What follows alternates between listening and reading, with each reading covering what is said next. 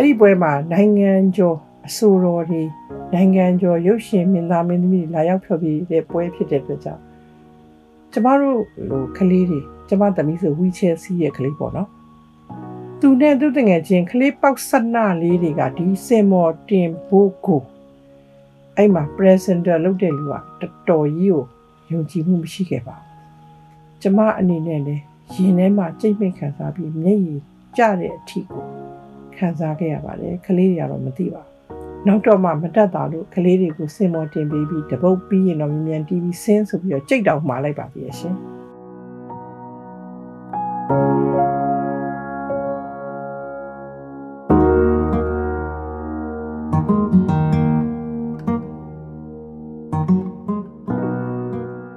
မင်္ဂလာပါခင်ဗျာမင်္ဂလာပါရှင်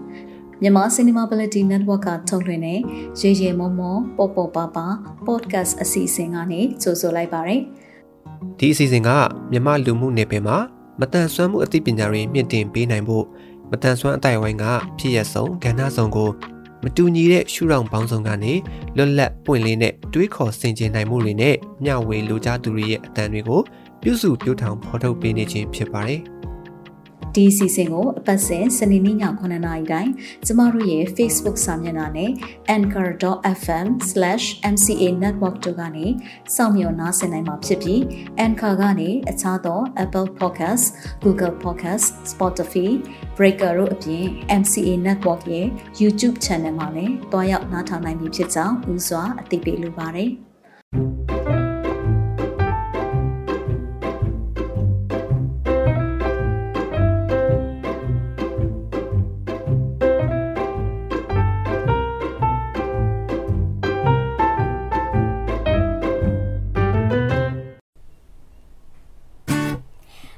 ချိန်တွေဟာနေနေနေလို့နေ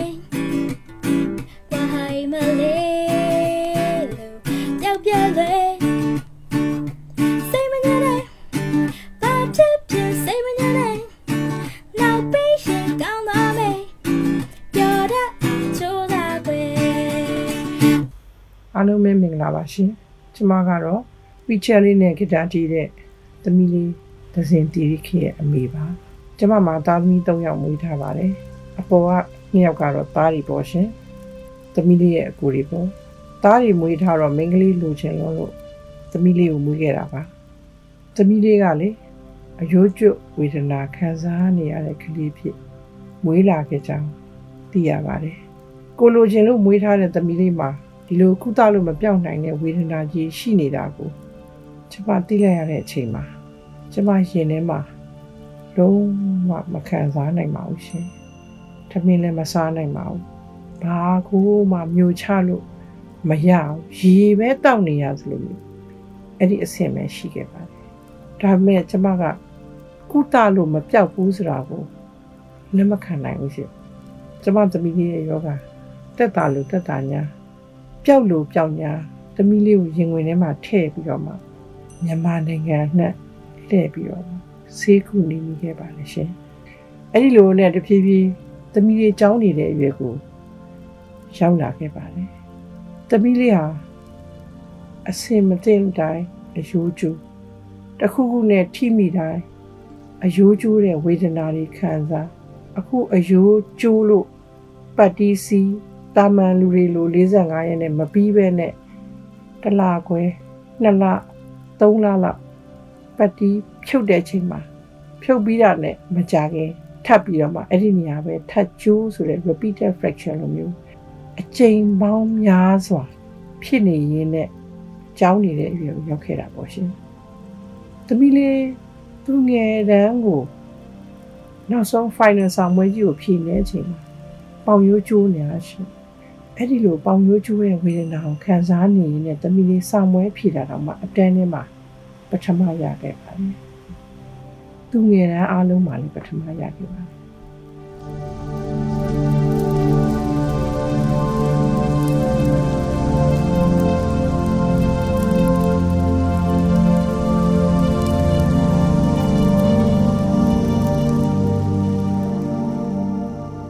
သမီးလေးဟာသူငယ်တန်းနေမဟုတ်ဘူးပထမတန်းဒုတိယတန်းတတိယတန်းစတုထတန်းဆောင်မွေးတွေကို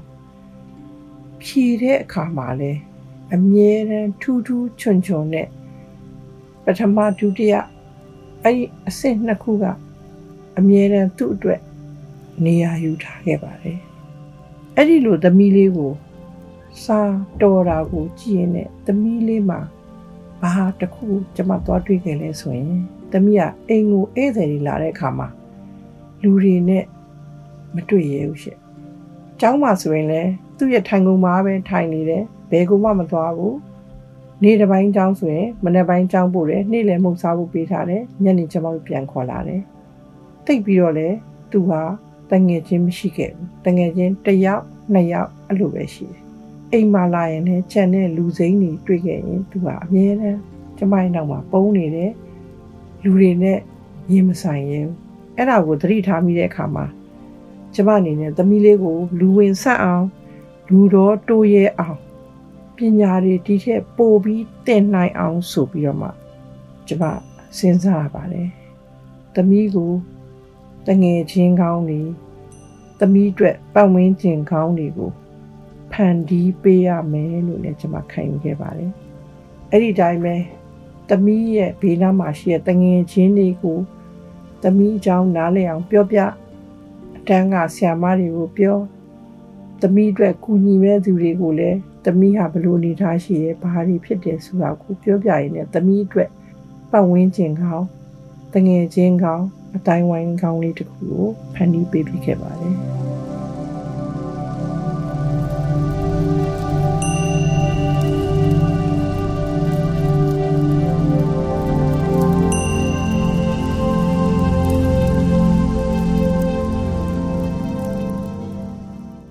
ဒါပြင်ကျမဟာသမီးကိုငယ်ငယ်လေးတဲကနေပြီးတော့မှသူဟာတချင်းလေးတွေနဲ့ချော့သိမ်းမှအိတ်တက်တဲ့ကလေးတူဖြစ်ကြောင်းသတိထားမိပါတယ်။ဒါပြင်သူ့ရဲ့ဝေဒနာအယိုးကျိုးတဲ့အခါမှာကြောက်ပတ်တီးစီးပေးထားတဲ့အချိန်မှာကြောက်ပတ်တီးဘောကနေပြီးတော့မှကြိုက်တာပေါ့ရှင်။ကြိုက်တဲ့အခါမှာဖျားစာတွေကို တန်နေတန်သားလေးနဲ့သူနားလေအောင်နားဝင်အောင်ရွတ်ပေးနဲ့ဖရာတရားတန်လေးတွေနဲ့ဓမ္မသချင်းလေးတွေနဲ့သူ့ကိုချော့တိတ်တဲ့အခါမှာသူဟာဝေဒနာတွေကိုတတ်တာတာလည်းတွေ့မိပါတယ်။ဒါပေမဲ့သမီးဟာသူငယ်ငယ်တုန်းကမေမေသမီးကမိုးလေဝသပညာရှင်ဖြစ်ချင်တယ်လို့ပြောတယ်။အဲ့ဒါဘာဖြစ်လို့လဲဆိုတာကျွန်မသူအယိုး ကျိုးတဲ့ဝေဒနာ repeated fracture အယူချွတ်ယောဂပြတ်အောင်သူ့ကိုကားပေါ်မှာတင်းပြီးတော့တိုင်းနေပြီးနေအနှက်ຫນွေမိုးဆောင်ဥဒုသုံးပါးစလုံးမှာတွာလာတဲ့အခါမှာမိုးတွင်အကြောင်းဆောင်းတွင်အကြောင်းညရာသီအကြောင်းမုန်တိုင်းတွေအကြောင်းပြောပြပြတဲ့အခါမှာလန်ခီမှာသူ့ကိုဘုဒ္ဓတာပြောပြတဲ့အခါမှာတမိဟာမူလဝတ္တပညာရှင်ဥထုံးလွင်လို့ဖြစ်ချင်တယ်လို့သူကပြောပါတယ်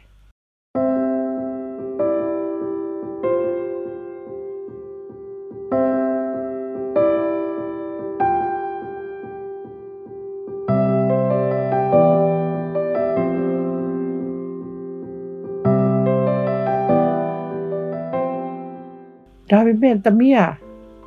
ကျမလေးလာအကဲခတ်မိသလောက်ဆိုရင်တချင်းလေးတွေနားထောင်တာကိုစိတ်ဝင်စားနေတာကိုလေတွေ့ရပါတယ်အဲ့တော့သမီးငါးရက်ရောက်တဲ့အချိန်ပေါ့ရှင်ကျမတို့ဟာသမီးရဲ့မှာအဲ့ချိန်မှာတငယ်ချင်းတွေလည်းတော်တော်များများရှိနေပြီကျောင်းစာနေကြည့်မှုလည်းမပြတ်ဘူး အားလက်တဲ့နွေရာသီကြရင်တို့ကတော့သူတို့ကိုဂီတတင်နိုင်လေးတခုဖွင့်ပေးရအောင်ဆိုပြီးတော့ကျမသားအနက်ရဲ့ကျမသားရဲ့တငယ်ချင်းဆရာဆိုင်းလုံထော်ရင်လည်းတိုင်ပင်ပြီးတော့မှနွေရာသီဂီတတင်နိုင်လေးကိုကျမတို့ဖွင့်ပြခဲ့ပါတယ်အဲ့ဒီအချိန်မှာကျမတို့ကကလေးတွေကိုဂီတတီးတက်ရုပ်သင်ပေးတာမဟုတ်ဘဲနဲ့ဂီတပညာကို အခြေခံကစပြီးတော့မှ theory တွေ notes တွေနဲ့ဘယ်လိုဂီတဆိုတာဘယ်လိုပေါ်လာလဲမြန်မာတန်ကပါကဘာဂီတကဗလားအနောက်တိုင်းကပါလဲဆိုတာသူ့ဆရာဆိုင်လုံးထောင်နဲ့သူ့အကူကသိသိချာတင်ပေးခဲ့ပါတယ်အဲ့ဒီအချိန်ကစပြီးတော့မှကျမတို့နွေရာသီပြီးဆုံးသွားတဲ့အခါမှာအဲ့ဂီတသင်တန်းကနေထူးချွန်တဲ့ကလေးတွေကိုစုပြီးတော့မှ future band လို့ခေါ်တဲ့ TY လေးတစ်ခုကိုဖွဲ့ပေးဖြစ်ခဲ့ပါတယ် ကျမတို့ကအကြောင်းပြန်ဖွင့်တဲ့အခါမှာတစ်ပတ်လုံးမှာစနေတနင်္ဂနွေအားလက်ရက်မှာသူတို့ရဲ့ဂီတနဲ့ဘိုင်းနဲ့ပတ်သက်တဲ့လိုအပ်ချက်တွေနောက်ထပ်နောက်ထပ်ထပ်မံသင်ကြားမယ်သင်ခန်းစာတွေကိုသူ့ကိုယ်နဲ့ဆရာဆိုင်လုံးတော်ကသင်ပေးဖြစ်ခဲ့ပါတယ်အဲ့ဒီကနေစပြီးတော့ကျမတို့ရက်ွက်ရဲ့တစောင်းနိုင်ပွဲတစ်ခုရောက်ရှိခဲ့ပါတယ် အဲ့တစောင်းနိုင်ပွဲရောက်တဲ့ခါမှာကျမတို့ကကလေးတွေကိုစင်လေးထိုးပြီးပြီးတော့မှတစောင်းနိုင်ပွဲမှာသူတို့ရဲ့ DY လေးကိုစင်မော်တင်းပြီးတော့ဖျော်ဖြေခိုင်းခဲ့ပါတယ်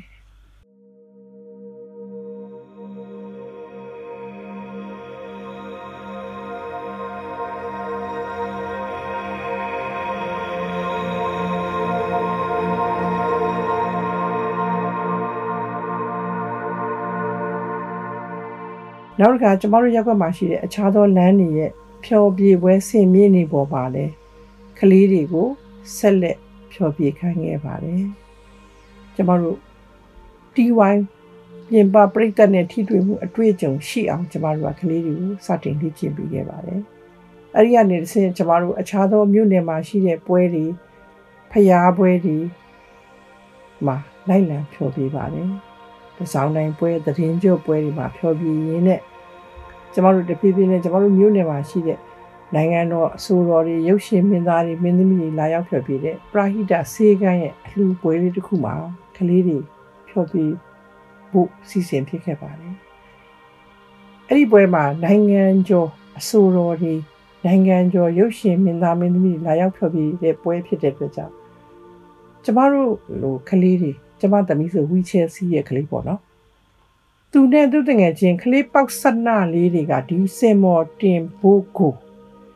အဲ့မှာ presenter လုပ်တဲ့လူကတော်တော်ကြီးကိုယုံကြည်မှုမရှိခဲ့ပါဘူးကျမအနေနဲ့လည်းရင်ထဲမှာကြိတ်မိတ်ခံစားပြီးမျက်ရည်ကျတဲ့အထီကို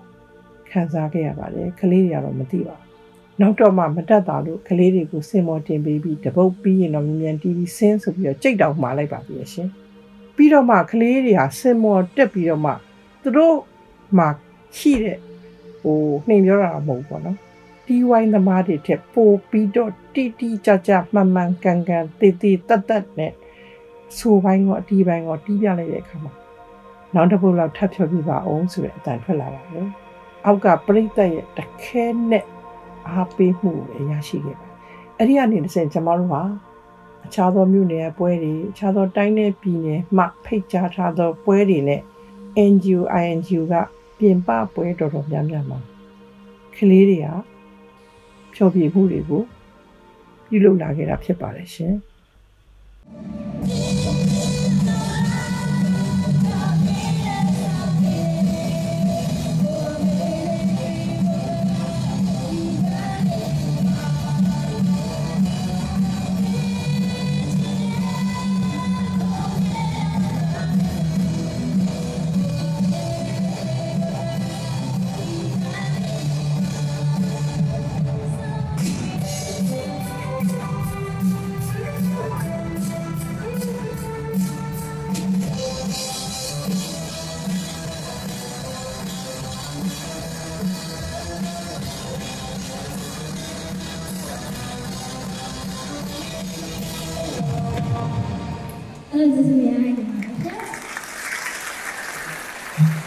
တမီးလေးဟာအဲ့ဒီလိုဖျော်ဖြေပွဲတွေပြုလုပ်ရင်းနဲ့သူတို့ကလေးအရွယ်မှာတီးတင်တီးတိုက်တဲ့အကျိုးပြုသချင်းတွေစားကိုဘယ်လိုစူးစမ်းဖို့သူတို့လိုပရာဟိတလုပ်ငန်းတွေကိုဘယ်လိုတွေလုပ်တင်နေဆိုတဲ့အကျိုးပြုသေးသချင်းတွေအပြင်ဝင်းကြီးဌာနတွေရဲ့တင်းဆောင်တွေကိုလည်းရေးဆက်တီကုံပေးခဲ့ပါတယ်။တမီးဟာအဲ့ဒီလိုပညာတွေလည်းသင်သူတငယ်ချင်းတွေနဲ့ ဖျော်ဖြေပွဲတွေကိုလည်းပျော်ရွှင်စွာနဲ့ခရီးထွက်ပြီးဖျော်ဖြေကြတာကိုတွေ့နေရပါတယ်။သမီးလေးဟာသူ့ဘဝကိုအရှုံးမပေးဘဲနဲ့သူ့ရဲ့တီးဝိုင်းကိုယခုထက်ပိုမိုပြီးတော့ဖွံ့ဖြိုးတိုးတက်အောင်ဥဆောင်ကြိုးစားနေရအောင်တွေ့ရတဲ့အတွက်ကြောင့်ကျွန်မအလွန်ပဲကြည်နူးမိခဲ့ပါတယ်။တခါတလေသမီးကိုစိတ်သက်ကြနေတဲ့သူတွေက Messenger ပေါ့နော်အခုကတော့ Facebook တွေပေါ့နော် Messenger ကနေပြီးတော့ညီမလေး ညီမလေးသချင်းကိုကြားလိုက်တဲ့အခါမှာအကိုတို့သို့မဟုတ်အမားတို့အဖြစ်တော့စိတ်သက်ခွန်အားတွေတက်လာပြီညီမလေးတောင်ဒီလောက်စူးစမ်းနေရင်အကိုတို့အမားတို့လည်းစိတ်သက်မကြတော့ဘူးစူးစမ်းတော့မယ်ဆိုရင် तू ကအဲ့မှာစိတ်သက်ခွန်အားပေးတာတွေကိုပြောပေးခဲ့တယ်စကားတွေလက်ခံပြောပေးတယ်စိတ်သက်ခွန်အားတွေတက်လာအောင်လုပ်ပေးခဲ့တယ်အခုဆိုရင်တော့ကျမဟာကျမရဲ့သမီးလေးကိုအတော်ကိုခုံယူစရာကောင်းတဲ့သမီးတစ်ယောက်ရဲ့အမိဖြစ်ရက်တည်နိုင်ခဲ့ပါပဲ Yeah, yeah, her taste ain't.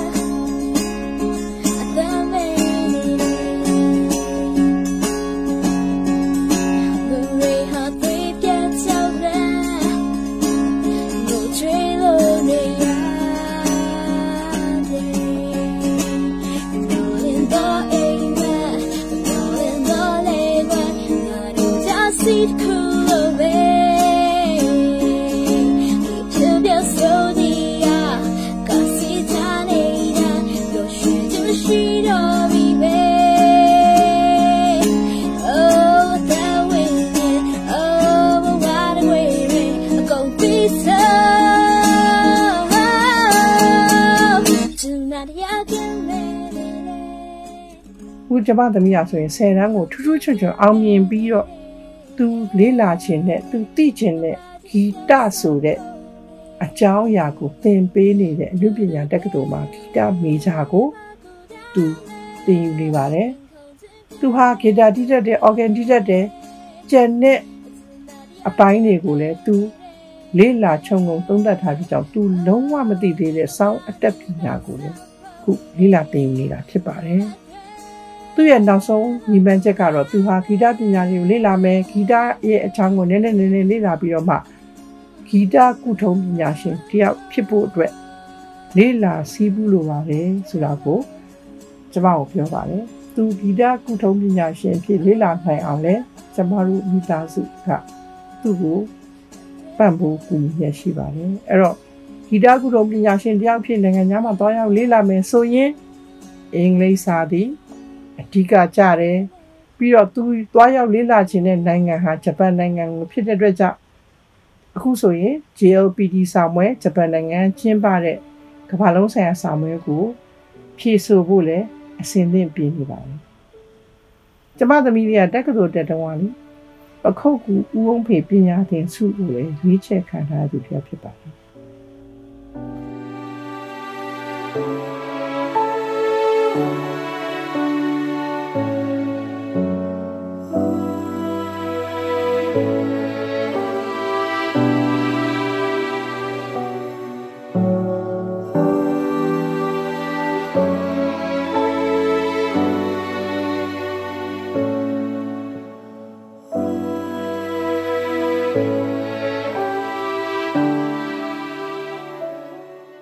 မအခုလိုပြောပြနေရတာကတော့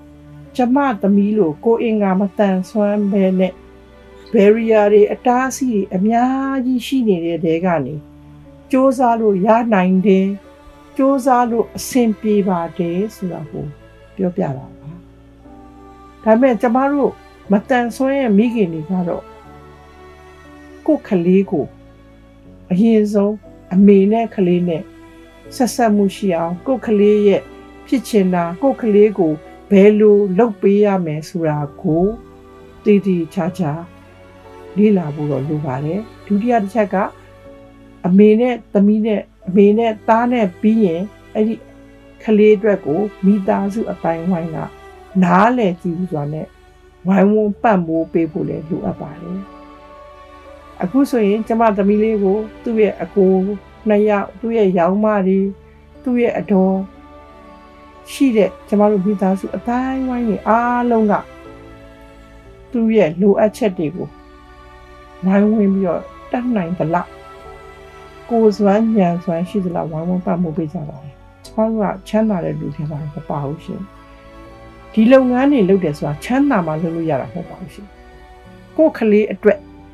အကောင်းဆုံးသောအတိုင်းဝိုင်းအသင့်တော်ဆုံးသောနေရာတစ်ခုကိုဖန်တီးပေးဖို့ဟာ ကျမတို့မတန်ဆွမ်းမိပါရဲ့တာဝန်ပဲမတန်ဆွမ်းမိသားစုအတိုင်းဝိုင်းတွေကသာဝိုင်းဝန်းပတ်မိုးလှုပ်ဆောင်ဖို့တိုက်တွန်းပြောကြားရင်းနဲ့ကျမရဲ့အစီအစဉ်လေးကိုဒီမှာရင်အဆုံးသတ်ပါရစေရှင်ကျေးဇူးတင်ပါတယ်နော်ဝမ်းမမငိုတဲ့အကောင်းဆုံးပဲဝါဟိရစလူခံစားလေစိတ်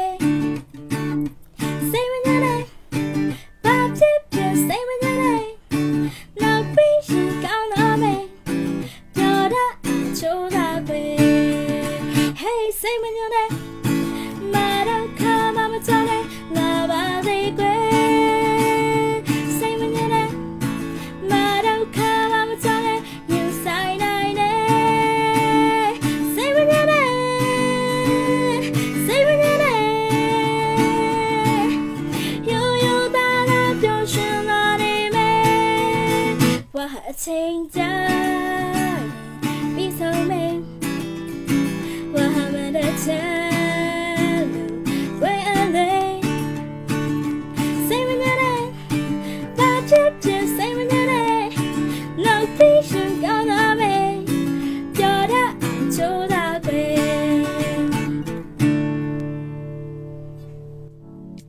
ဒီစီစဉ်ကိုမိတ်ဆွေတို့အနေနဲ့အစအဆုံးနားထောင်ပြီးပြီဆိုရင်တော့မိမိတို့ရဲ့သဘောထားမှတ်ချက်များကို Anchor မှာအတန်နဲ့စာနှမျိုးလုံးနဲ့ဖြစ်စေ Facebook မှာစာနဲ့တပ်ပုံနှမျိုးလုံးနဲ့ဖြစ်စေပေးနိုင်ပါပြီနော်